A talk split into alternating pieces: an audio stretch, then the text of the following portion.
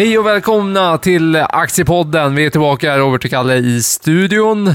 Ska vi börja med Riksbankens räntebesked som kom här för en kvart sedan, halvtimme sedan. Mm. Eh, 9.30 torsdag. Nu sitter vi här klockan är 10 för alla som, som ni vet. Och eh, reaktionen på det, de höjde 75 punkter som eh, var väntat. Var det. Verkligen. Nästan alla marknadsaktörer hade ju väntat sig det. Riksbanken ja. själva guidade ju i september för 50 punkter, men det hade ju alla. Men sen kom en inflationssiffra däremellan som ja. fick alla att tänka bort det. Ehm, ja, och räntebanan justerades upp, men marknaden valde ändå att tolka det som någonting positivt. Jag vet inte om man tänker att räntetoppen är nära. Det är lite samma tankesätt som med Fed, som vi har sett senaste veckan, veckorna. Glaset är halvfullt nu. Eh, så att, eh, Nej, men jag tycker det är intressant att det är verkligen svag makros, eh, svaga makrosiffror gillar vi. För då ska inflationen ner och centralbankerna blir mer duvaktiga. Och nu dessutom så blir man glad för man tänker att en räntetopp är nära. Det är väl känslan. Verkligen. Och de släppte ju också en prognos för inflationen och eh, man guidar för lite högre inflation nästa år. Jag tolkar det som att det är ju genomsnittsinflationen på året och jag tolkar det som att det är ganska hög inflation nu under vintern och början på 2023 och sen så kanske lite lägre i slutet av året. Men jag tror 5,8 procent snitt nästa år. Det är ju väldigt högt.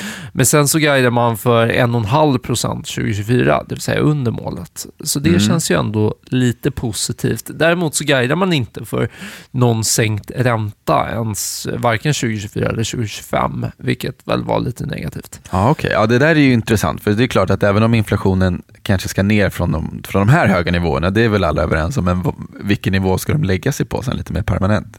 4% 3% Vad blir räntan då? Ja. Eller ska vi ner till inflationsmålet?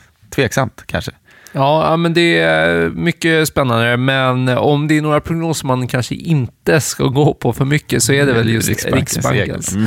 Eh, man kan googla på ränteigelkotten eller mm. någonting sånt. Eh, mm. Du har inte sett dem? Det är, kan man se Riksbankens prognoser för hur räntan ska stiga vid massa olika tillfällen och så har den ju bara varit flat i tio år. Eh, ja, vad kul. Det ser ut som en igelkott. Mm. Men det om det. Reaktionen på börsen var ju i alla fall positiv, framförallt fastighetsbolag och tillväxt. Så det är vi glada för i portföljen med Balder och SBB. Och, som vi har. och Balder var ju upp jättemycket. Typ 9% är upp just nu. Ja. ja. En relief helt enkelt. Ja, mycket tacksamt.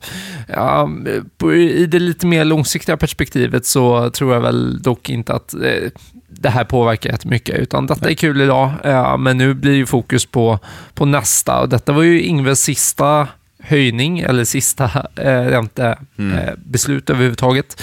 Eh, nu blir det Erik Thedéen härnäst och då vet man inte riktigt vad som händer. Nej, så är det Han, han känns oberäknelig tycker jag.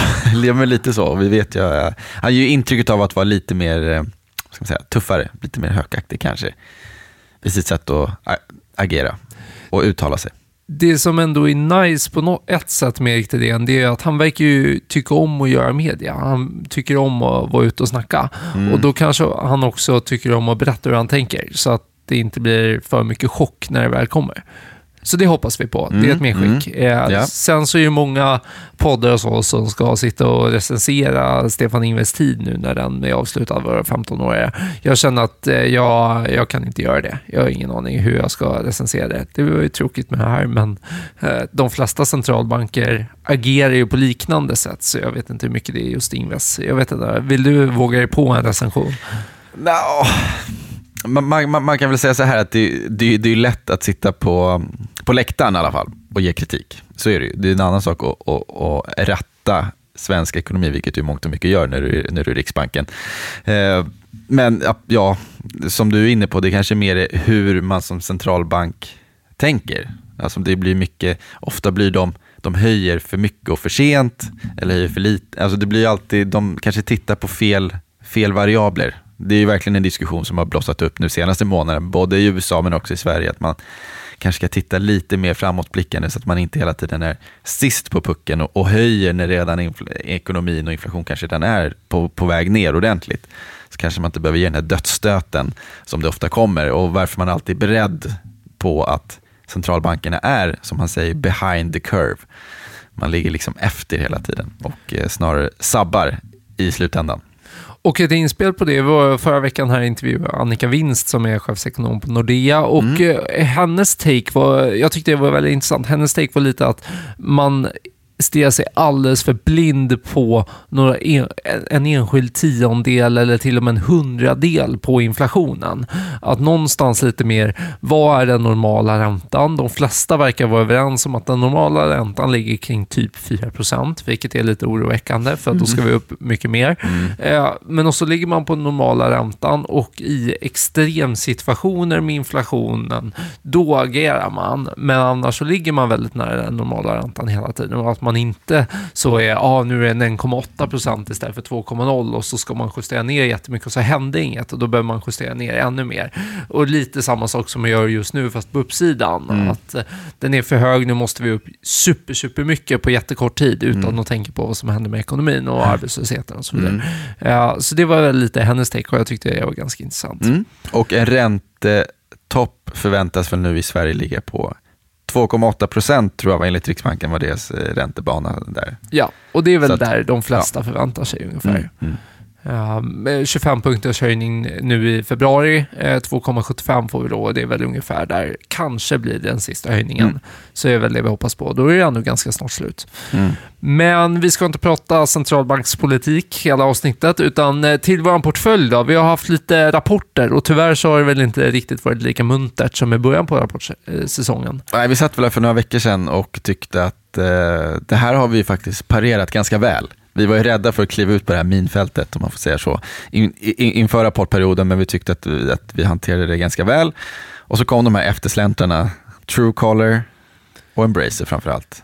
Det Ja. var inget kul. Truecaller, så var det väl så att eh, tillväxten på kvartalsbasis var ju fallande dessutom. Va? Ja. Både tillväxt och marginaler och det gillar man ju inte ett tillväxtcase. Eh, Däremot frågan om man, om man lyfter blicken lite eller om man bara kollar på årsbasis så var det väl fortfarande starkt.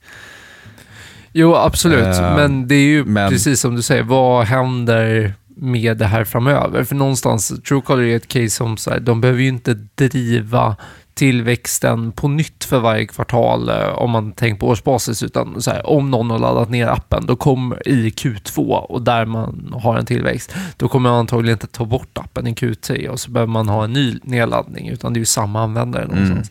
Så att, eh, men det är ju inte alldeles för starkt. Eh, det uppskattar ju inte marknaden, det uppskattar inte vi. Eh, men vi har ändå valt att ha kvar våra aktier. Mm. Och då kan man tänka lite, vadå, detta är ju ett tillväxtcase. Det värderades ju när vi gick in i året på typ eh, P80, tror jag. Eh, men det är just för att det har blivit lite av ett värdecase nu under året. Eh, värderingen har fallit som tusan. Det är fortfarande väldigt lönsamt. Vi pratar ju inte några plötsliga förluster. Vi Nej. behöver inte prata några nya emissioner, ingenting. Och eh, på nästa år så handlas vi ändå på P16. Eh, Så att eh, i år typ P22. Det kanske är det man ska fokusera på då med tanke på att tillväxten är lite osäker och annonsmarknaden generellt sett är osäker. Det har vi sett på flera andra stora rapporter, Meta bland annat Verkligen. eh, och Alphabet. Men ja, tung smäll. Ja, det var en tung smäll. Och den står nu i 36-37 kronor tror jag. Ja. Var väl uppe i 50 för inte så länge sedan.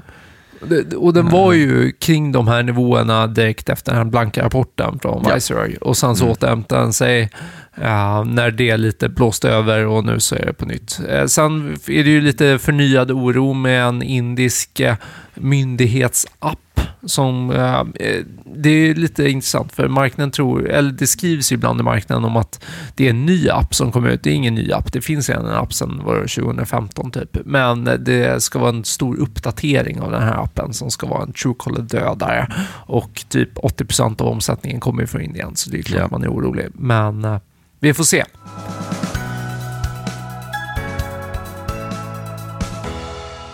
Embracer ja. Ja, det var också en besvikelse. Ja, Igen. Även om fast man levererade fin organisk tillväxt det här kvartalet, som ju annars har varit någonting som man gärna pekar på att man vill se mer av. det, det var ju verkligen det enda man var orolig inför rapporten. Mm. Hur kommer den organiska tillväxten se Mm. ut?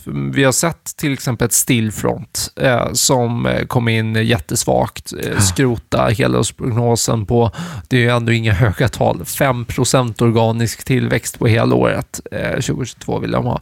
Sen har de svåra komps, de här eh, spelbolagen, Mm. för att eh, pandemin har ju varit bra för dem. Men eh, Embracer, lönsamheten var jättedålig Ja. och liksom därav kassaflödet. Eh, sen så skrev de också ner sin helårsprognos eh, och helåret slutar ju inte i december utan det slutar sista mars. Ja. Eh, så att detta var ju deras Q2. Mm. Så skriver ner sin prognos för det kommande halvåret och men behåller prognosen för nästa år. Så att, men det blev ju inte marknaden nöjd med. Hur mycket var vi ner? 20 procent? Ja, ja, det är kortsiktigt ännu mer osäkerhet och säkert lite tålamod som tryter hos många. Det har varit en jobbig resa för den här aktien nu under ganska lång tid. Och eh, det är, det är väldigt många som äger den hos småspararna. Många fonder som ligger tunga i den här. Till, Och- till ny teknik bland annat. bland annat dem. Ja. Eh, så att nej, det, och den här aktien ser ju också billig ut. Ja, Kan man ju ändå argumentera för. ev-ebit 7,10 på nästa år. Ja. Det, Och Ja. tar vi ett ebitda-mått på det för att rensa för förvärvsrelaterade kostnader så ser 4,40. ja, det är väldigt lågt. Det är väldigt lågt. Ja. Och dessutom så här, vi tror ju ändå att det finns någon form av underliggande tillväxt. Nu är det svåra jämförelsetal, bla bla bla, men eh, det finns en underliggande tillväxt i marknaden. Ja. Så, så länge de inte förvärvar dåligt, eh, vilket ju såklart är risken. De börjar prata Mm. lite om renodling igen, vilket ju är, är det inte kul ändå hur börsen går mellan de här. Eh, några år så är det fullt fokus på förvärv och Mm. synergier och så vidare och sen så är det renodling och eh, avknoppningar som gäller. Det känns som att börsen är lite tillbaka till avknoppningar igen. Ja, nej, det är inte lätt att hänga med i de här trenderna. Det går ju, det, det går ju fort. Eh, Så, så är det ju. Så frågan är någonstans när det vänder. Och när ska man börja titta på serieförvärvare igen? Jag vet inte om de ser så billiga ut. Jag har inte jag tittat på dem på ett tag. Jag tänker Instalco, Stibtech, eh, Lagerkrans, Adtech, allt vad de heter. Ja. Ehm, Storskogen, som Det- har det fortsatt jobbigt, men var upp kraftigt i, idag såg jag. Jag såg ett citat från Storskogen hade en kapitalmarknadsdag eh, här för Mhm. någon månad sedan här borta. Eh, Jag var inte på den, men jag såg ett citat som någon som hade varit där eh, skrev från en, en medlem som hade kommit in och så frågade vakten om de skulle till, det var på Nordiska museet eller något sånt, Mhm. och så frågade han om man skulle till museet eller till Storskogens kapitalmarknadsdag och så sa han att det heter inte Storskogen längre, det heter Småskogen för det har gått så dåligt. Tyckte jag var roligt. Ja, Men, eh, men i övrigt i portföljen då, som sagt, det har varit lite tyngre eh, veckor eh, senaste Mm. två veckorna med lite dåliga rapporter, men nu är ju... Av stora reaktioner också på dem. Ja, Det är inte 5-10% ner. Det är Utan det är 20, 30 liksom. exakt, det är 20 på rapportdagen och sen fortsätter vi ner. ja. Eh, också jobbigt läge tycker jag att just ha- hantera en sån grej i sin portfölj. När du får en sån rapport, hur ska vi tänka nu? Ska vi sälja på en gång eller ska vi liksom hålla ut lite grann? Och hur, hur dåliga är siffrorna egentligen? Hur kommer marknaden tänka? Vi är dessutom en kortsiktig portfölj, vilket gör det ännu svårare. Så att, nej, vi har ju kliat oss i huvudet x antal gånger. Och, och vi har väl, eh, om man summerar rapportperioden, så har vi gjort lite blandat. Vi gjorde Mm. en försäljning dagen innan rapport på Core, eh, där det blev väldigt bra. Eh, Ja, som vi har köpt tillbaka ska tilläggas. Just det, förra veckan. Mm. Och sen så gjorde vi en försäljning direkt efter rapporten på Academedia, eh, som också har varit lyckad tror Ja. jag, utan att ha följt kursen sedan dess. Och- men sen så har vi också behållit några, eh, där Embracer och Truecaller kanske är de bästa exemplen på dåliga rapporter då som vi har Ja. agerat på. Vi har också sålt Atlas Copco, ska tilläggas. Efter den här, eh, får man ändå säga, stora kursrusningen. Aktien eh, var upp på 120 spänn. Och då har den gått från, nej, jag, vet inte, jag minns inte när vi köpte första gången, men jag vet att vi fyllde på sen på 96 kronor exempelvis. Eh, och så att det- ett, ett sånt stort verkstadsbolag har ändå gått eh, 25 procent på kort tid. Och då kände vi väl lite att även om vi tycker att det är ett fantastiskt fint bolag, för det tycker vi fortfarande, så känner man väl lite att den där um, uppsidan känns aningen begränsad. För, och det är ju den faktorn att Atlas Copco har alltid varit dyrt och kommer säkert alltid vara dyrt. Så. Men det var ändå inte jättedyrt när vi köpte det. Då pratar vi P21 eller något sånt. Ja. Eh, och någonstans, det är en skillnad nu mot de senaste 5-10 åren i form av att värderingarna är viktigare nu för att räntorna är högre. Mm. Eh, då blir värderingen en mer slående effekt i alla kalkyler. Så um, ja, risk-reward känns inte superbra. Nej, och sen så här, vi kan mycket väl äga den igen och är det någonting som vi, som vi tror så är det att vi kommer gå in i tuffare ekonomiska tider och då lär ju rimligen Atlas bevisa sig ännu en gång. Så det går att argumentera. Den där premien, eh, absolut, den ska bestå, men frågan är hur stor den ska vara och om kanske hela sektorn i sådana fall ska ner och ska de högt värderade ner lite mer då? Det känns som att vi, vi intar, vi, vi ställer oss på sidlinjen och ser om vi kan komma in igen lite billigare. Ja. Men vi tackar för den resan vi har fått för tillfället. Ja, ja men så är det. Och så precis som du sa så förra veckan så sålde vi alltså vårt innehav i Atlas och köpte tillbaka ett innehav i Core. Just det. Eh, därutöver eh, ska vi säga något, någon mer affär om eh, denna veckan. Ja, men vi väljer att vi har en liten position i Kinnevik och vi känner nu att vi vill öka på den här riskexponeringen, om man ska kalla det som det, och väljer att dubbla det innehavet. Ja, men det känns ju spännande. Kinnevik Mm. är ju verkligen eh, högbeta så att säga. När Mm. index eh, rör sig så bör Kinnevik röra sig mer åt, Mm. åt respektive håll, Ja, antingen mm. upp eller ner. Eh, hur, hur går tankarna?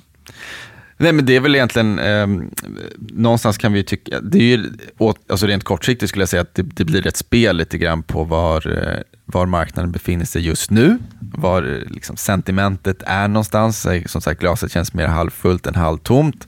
Och visst, aktien har studsat upp lite på slutet, men den är fortfarande ner brutalt mycket.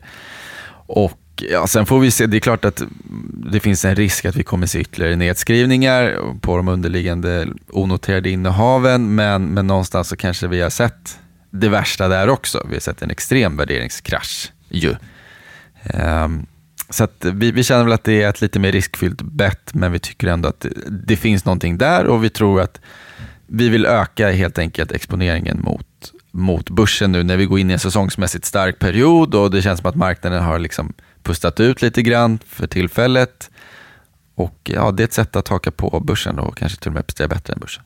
Verkligen. Och för det är ju precis som du är inne på. Kinnevik är ju jättemycket olönsamma tillväxtbolag. De Mm. har sin stomme med 23 procent eller 2 eh, som genererar kassaflöde som kan investeras då i alla Som också här- gått svagt, ska tilläggas. Ja. Eh, Men som har ryckt upp sig lite nu på slutet. Mm. Och det känns som att utdelningen består väl ändå va? Det är väl känslan. Ja. Och, eh, och sen så investerar de i massa olika spännande bolag, bland annat eh, Budbee kan man nämna, som Mm. Babylon Health och Mathem och HH. Det finns hur många som helst. Eh, så vi hoppas väl att inte värderingarna i de här bolagen ska ner jättemycket mer. Eh, sen med det sagt så kan vi också säga att eh, på tal om just olönsamma eh, förhoppningsbolag säger jag då istället, så har vi börjat se lite konkurser på börsen igen. Ja, det får vi hoppas att vi slipper i Kinneviks onoterade portfölj. Det hoppas vi. Eh, Mm. Men såklart inte omöjligt. Eh, Men eh, det är väl ett 25 bolag någonting, så att Mm. det är ju verkligen inte hela portföljen. Här nu har vi fått på svenska börsen, vi har fått Insight, vi har fått Brighter igår. Bolag med ganska många småsparare som sitter i dessutom. Det är väldigt tråkigt såklart. Och jag såg att vi har fått ett tredje också. Så vi, på, på First North har vi tre konkurser på senaste månaden. Mhm. Och det är ju Vilken var intressant. tredje- Vilken var den tredje? Känner jag igen dem? Den tredje konkursen på eh, First North i år är Food, som med dubbel-U. Food. Aldrig hört. Nej, Nej. det är i alla fall eh, livsmedelsbolag. Jag har ingen aning vad det är för något i övrigt. Men eh, tre First North-bolag eh, och det eh, tycker jag ändå är ett tecken i tiden på två sätt. Dels eh, så visar ju hur otroligt mycket skit man har tagit in på börsen under Mm. de senaste åren. Mm. Men sen visar det också just att det har ju nästan varit olagligt att gå i konkurs de senaste åren med alla pandemistöd och hej och hå. Eh, nu lite högre räntor, investerarna fokuserar på lönsamhet. Man kommer inte kasta pengar på skit bara för att man säger att det här är häftigt. Utan man vill se lönsamhet och det är ju väl bra, måste jag säga. Ja, det, det är ju sunt, absolut. Och har de inte gått i konkurs, det är ju många också som har gjort emissioner. Ja. Jag tog del av sån statistik här som jag också nämnde i gårdagens Tillsammans mot miljonen. Just det här med att det var väldigt, väldigt många emissioner under hösten. Som också då stämmer överens med, som du säger, mycket, många mindre fina bolag har kommit in på börsen. Och vissa absolut har gjort emissioner för att kanske finansiera ett stort förvärv.